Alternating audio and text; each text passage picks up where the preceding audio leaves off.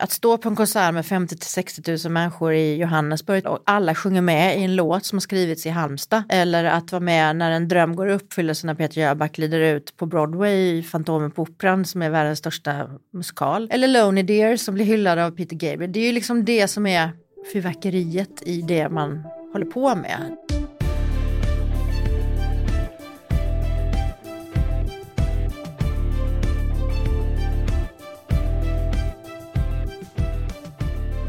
Hej där ute! Välkomna till Förhandlingspodden igen som drar igång. Vet ni vad? I april 2016 så eh, drog jag igång den här podden med en eh, nyfikenhet på att möta nya människor, en vilja att få er att lära er mer om, om affärer och förhandlingar med tonaliteten lustfyllt lärande. Hade någon då sagt till mig att jag skulle sitta många år senare och spela in mitt 94 avsnitt, säsong 10, så hade jag nog nästan trott att uh, den personen skojar med mig. Men så är det. Nu drar vi igång säsong 10 och det gör att vi uh, nysatsar lite. Det är ny logga, det är lite ny produktion och uh, det kommer komma en del överraskningar under säsongen som följer. Så är du nyfiken på näringslivet, på eh, udda branscher, på stora branscher och vill du lära dig att göra bättre och smartare affärer, då ska du hänga med när Förhandlingspodden drar vidare. Jag som kör den här podden, jag heter Karl Fager, jag är verksam på Max advokatbyrå.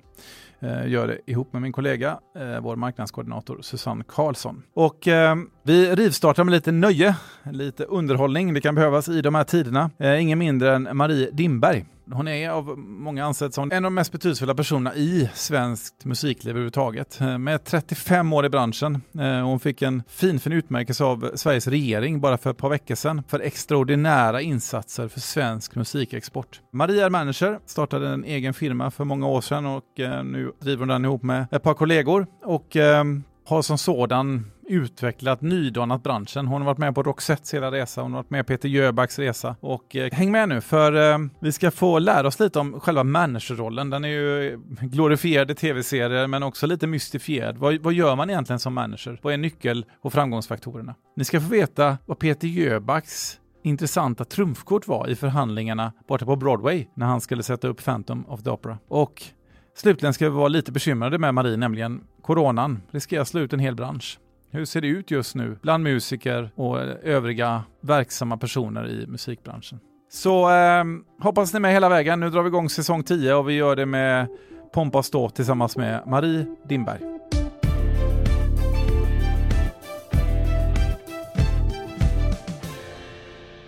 Marie Dimberg, varmt välkommen till Förhandlingspodden. Tack så mycket. Hur mår du då? Eh, jag mår bra, lite kylslaget är det, men ja. annars mår jag ganska bra faktiskt. Ja, det är en, en kall luft som eh, sveper genom Stockholms gator. Och det är väl en ganska kall luft som sveper genom eh, musik och nöjesindustrin också, eller? I tider när det är snudd på ett näringsförbud.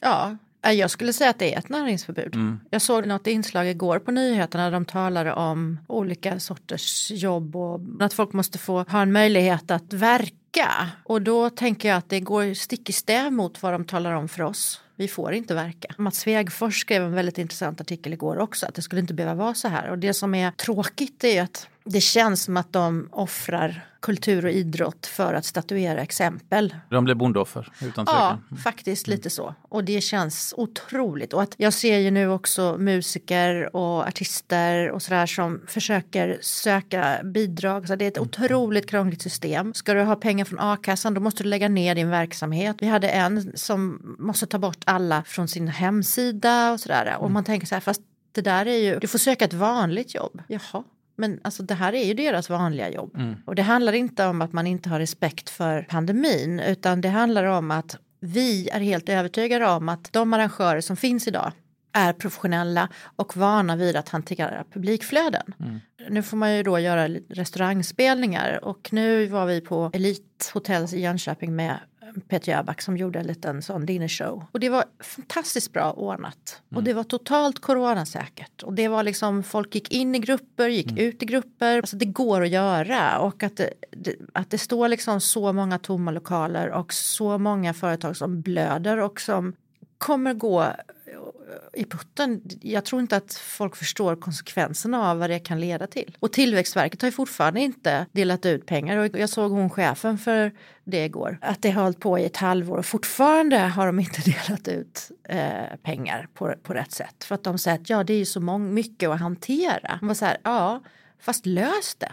Myndigheternas behandling av idrotten och kulturen är ju skandalös helt enkelt. Ja, det, det, faktiskt. Det är ju vad den är. Men, men eh, och ni som management inom musikindustrin, hur klarar ni er och era kunder eller klienter, hur, hur klarar de sig, Eh, artister? Ja, det är ju lite, det är ju på olika nivåer liksom. Ja. Det är klart att Per Gessle och Peter Jöback klarar sig ett tag, men när de inte drar in så drar inte vi in. Och vi har, ju, vi har ju gjort som alla andra. Vi har liksom deltidspermitterat oss och vi, har, vi fick hyresrabatt i tre månader, de här tre månaderna som var då. Ja, men vi försöker ju hålla igen. Helt enkelt, För eftersom ingen vet hur länge det här ska hålla på. Vi hade ett väldigt bra år förra året. Man försöker ställa om och det, det är faktiskt också en väldigt intressant grej. Jag sitter med i väldigt mycket sådana här större och mindre nätverk för evenemangsnäringen och då är det både svensk elitfotboll och kultur och nöje och, och sponsorevent och så här. Och vi alla har det gemensamt att man inte är van vid att söka pengar. Vi är vana vid att man ställer om, man ställer, man ställer om, man fixar, man, vi har alltid liksom skött oss och, och betalat skatt.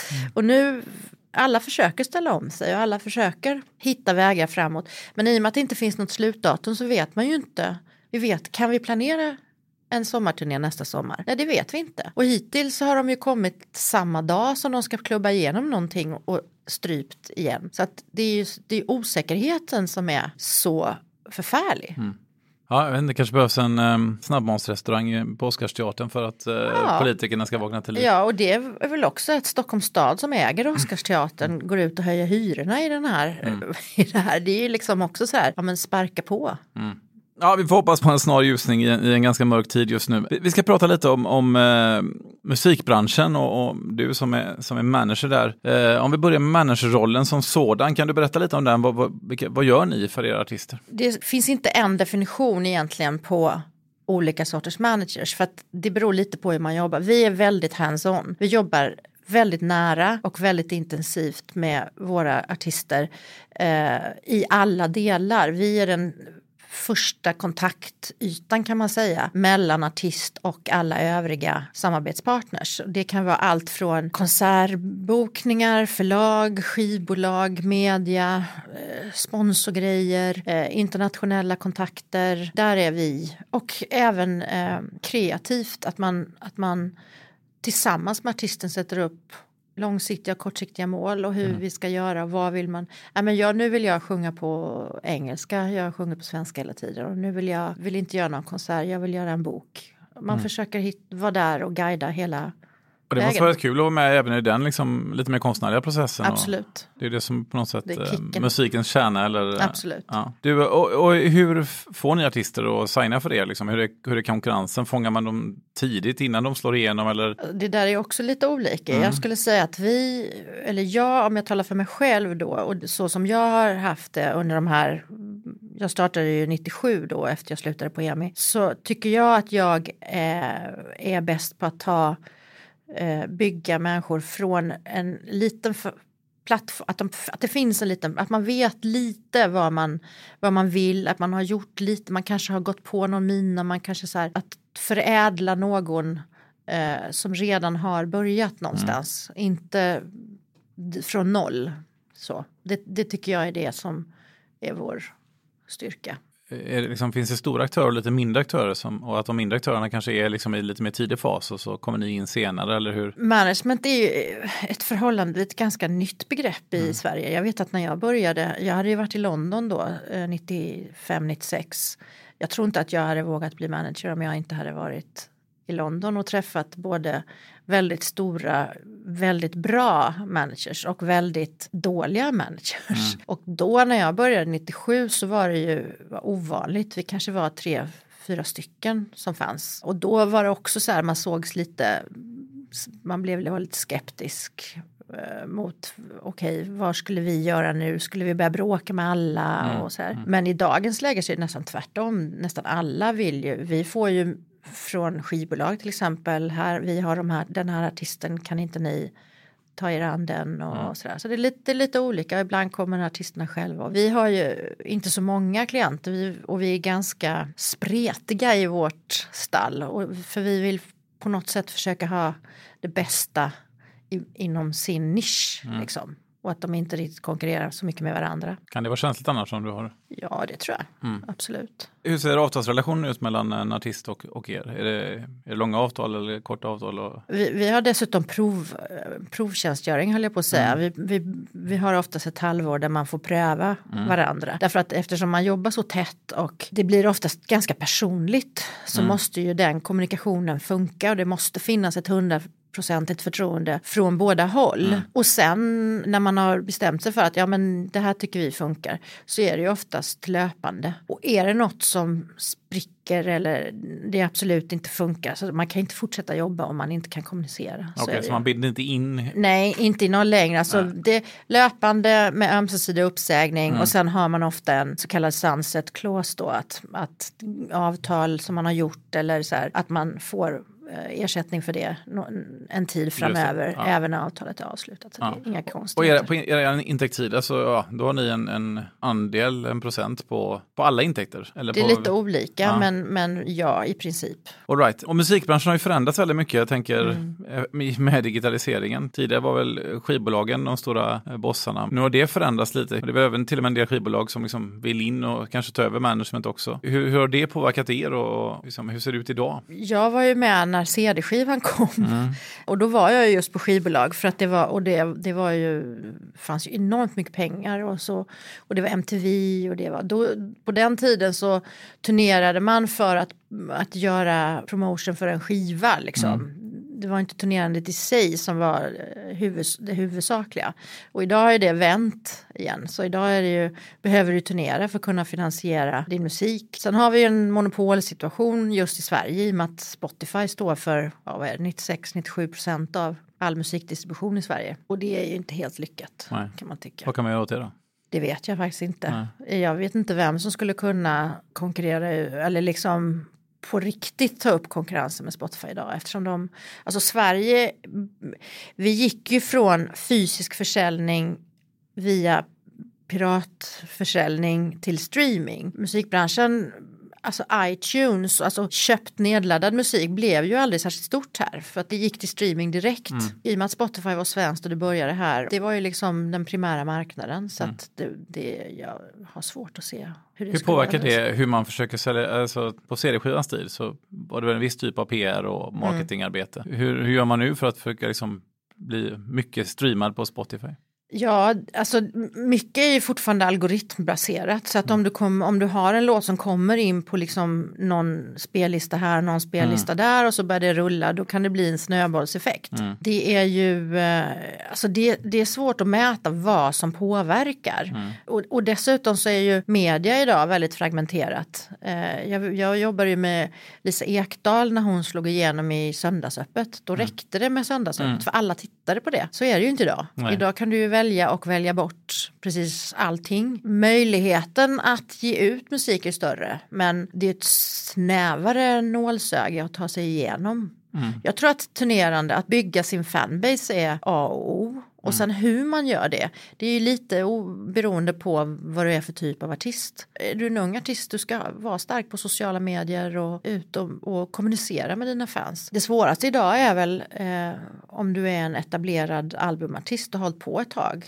Då är det svårt att komma över. Alltså det känns som att de här stora svenska artisterna som slog igenom på 90-talet och som är alltså albumartister som har lite vuxnare publik som är kanske 30 plus. Så där, där är det svårt att komma upp i rejäla siffror. Det är ganska få. Ja, det, och det blir väl också en koncentration som den här spellistealgoritmen ja. leder till att det är liksom mm. de som är stora blir större. Ja. De andra blir liksom förtvinade. Jag såg någon artikel att det var en procent av Spotifys artister som står för 99 procent av omsättningen liksom, mm. på världsbasis. Då. Så det, ja, det, det är tufft. Och där är ju, men å andra sidan är du en etablerad artist så har du ju också genom åren kunnat bygga en publik och då är ju de här live-grejerna desto mer viktiga. Mm.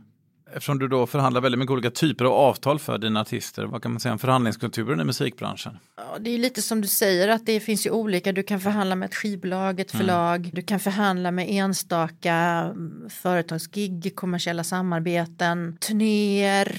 Det är så mycket olika och där har du olika infallsvinklar. När det gäller att eh, man, man tittar på skivbolag och förlag så här, då är det ju också ganska personligt. Du vill ju, ha, du vill ju börja med att hitta en person som du känner att du kan fungera med på det bolaget för den här artisten och sen försöker man hitta en bra gemensam nämnare på hur det ska göras. Och som sagt på skivbolagen, vi var inne på det, men mm. vad, hur har de landat i den här nya digitala världen? Har de kunnat Nej, men, ställa om?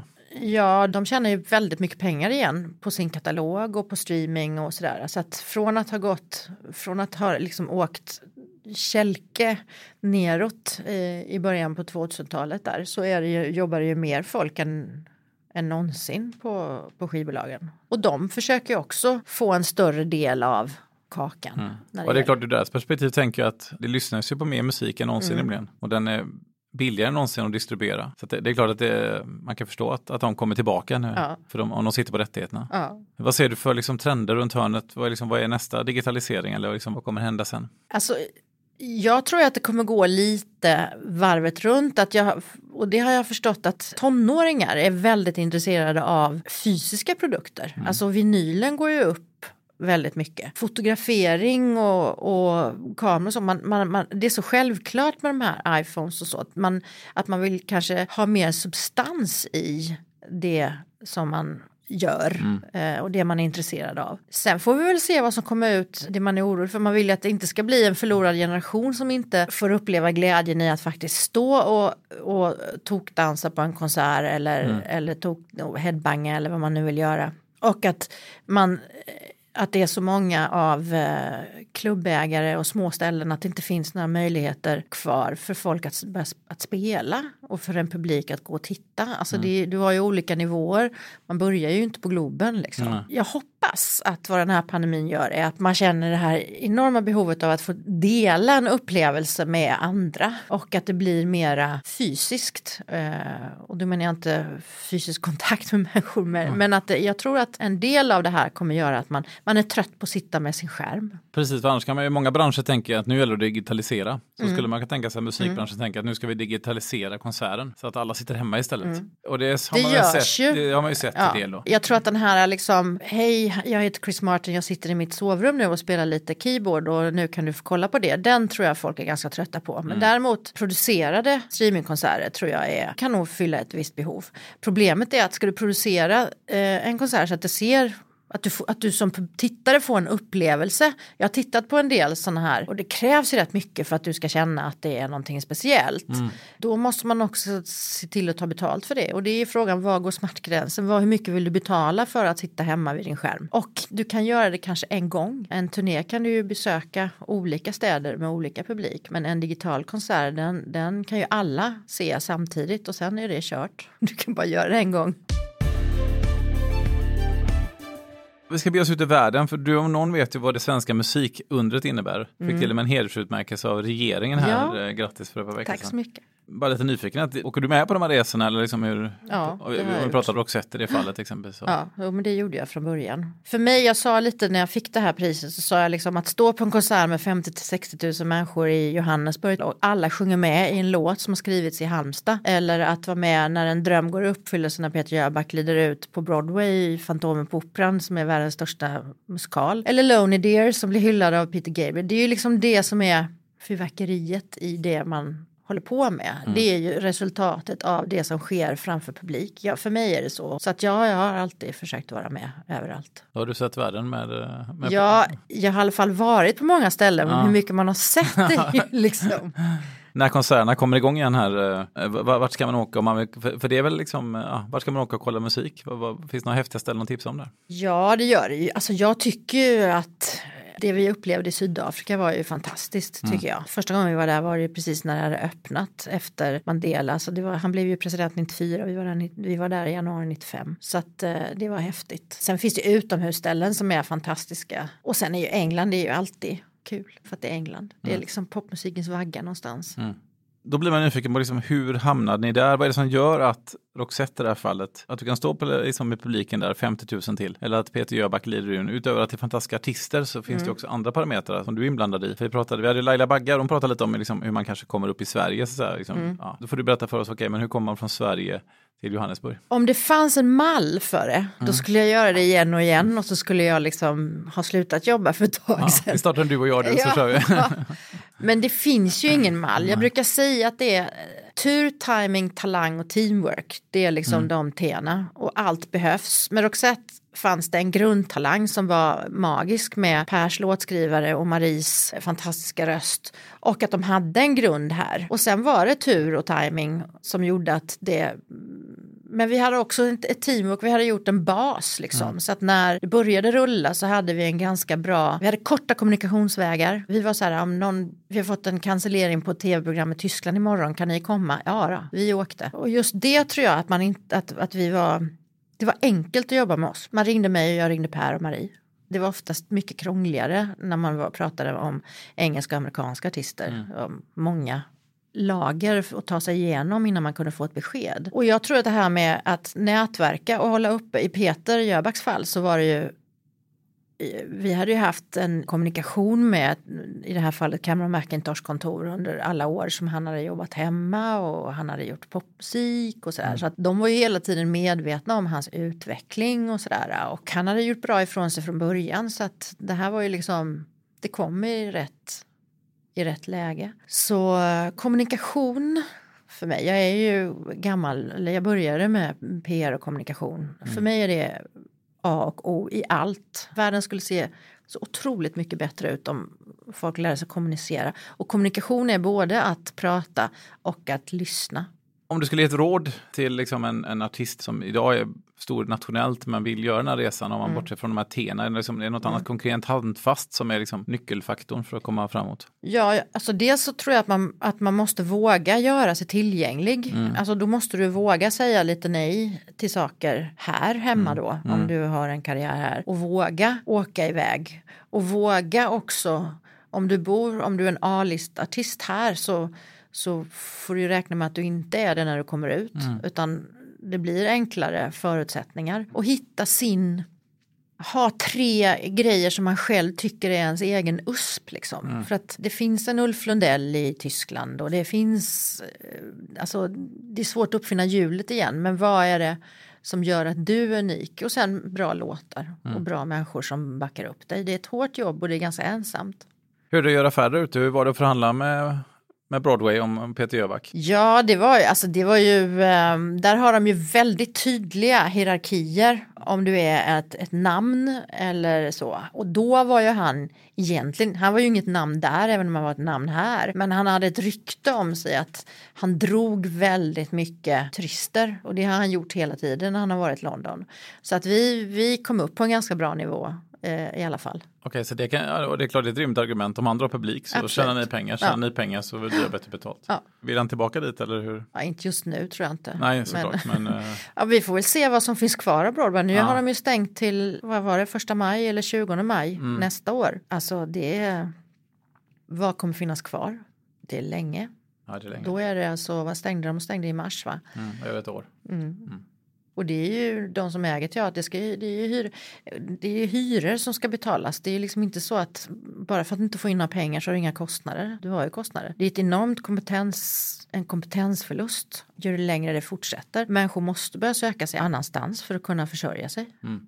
Vad, vad, blir din, eh, vad är nästa Jöback och Roxette? Vad jobbar ni med nu som ska rulla ut genom eh, världen? Jo, nu, vi håller ju på, Roxette släppte ju faktiskt alldeles nyss en singel mm. som heter Dance with me som var det sista de spelade in som inte kom med på uh, Good Karma skivan som är fantastiskt bra. Så att den, den leder ju fram då till vad vi kallar för Bag of Tricks som är fyra stycken skivor som ska bli en box som är lite outtext, lite andra mixar, lite mm. outgivet, lite så. Hitta på saker för att hålla liv i katalogen och mm. hålla liv i namnet och, och den lever ju. Listen to your heart passerar just fem miljoner spelningar i USA på amerikansk radio. Så det Var är också ett störst liksom, i, i världen? Alltså, det är svårt att säga. De, Sydamerika, kontinentala Europa Australien och Sydafrika skulle jag säga. Men även USA och Kanada. I USA och Kanada, deras låtar är mycket större än vad själva namnet Roxette är. Okej, okej. Så det är väl det som, och Per håller ju även på med sin svenska.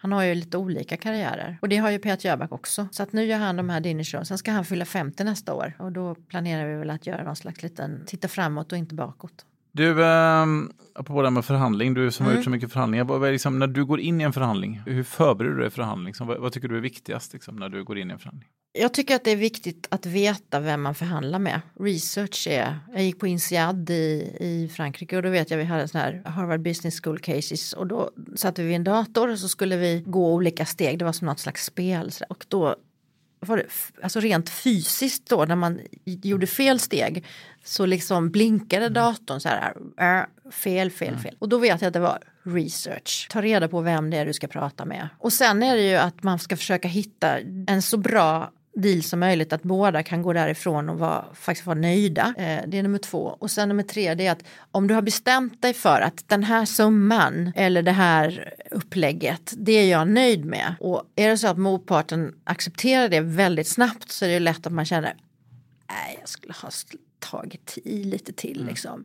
Men att man kommer ihåg då, ja fast det var det här du ville ha och då att du inte grämer dig, att du inte försökte med ännu mer liksom. Ja, man, ska, man ska inte missunna motparten göra en bra affär. Nej, all, alltså en bra affär är ju när båda tycker att de har vunnit. Så är det ju. Och särskilt om man sen ska jobba ihop, för ju, ju nöjdare Ja. motparten är, desto hårdare kommer den att jobba. Precis. Så det, det, tycker jag många går bet på, liksom, att man, man tänker liksom att Det är ska- morot jag- och piska. Ja, men ja, vi har ju sett, det finns ju sådana som har gjort dealer där man inte har råd att jobba med den här för att, för att det kostar för mycket Mm. pengar liksom. Och då har man ju gjort, blivit fel någonstans. Hur gör du din research då när du ska, innan du ska träffa någon?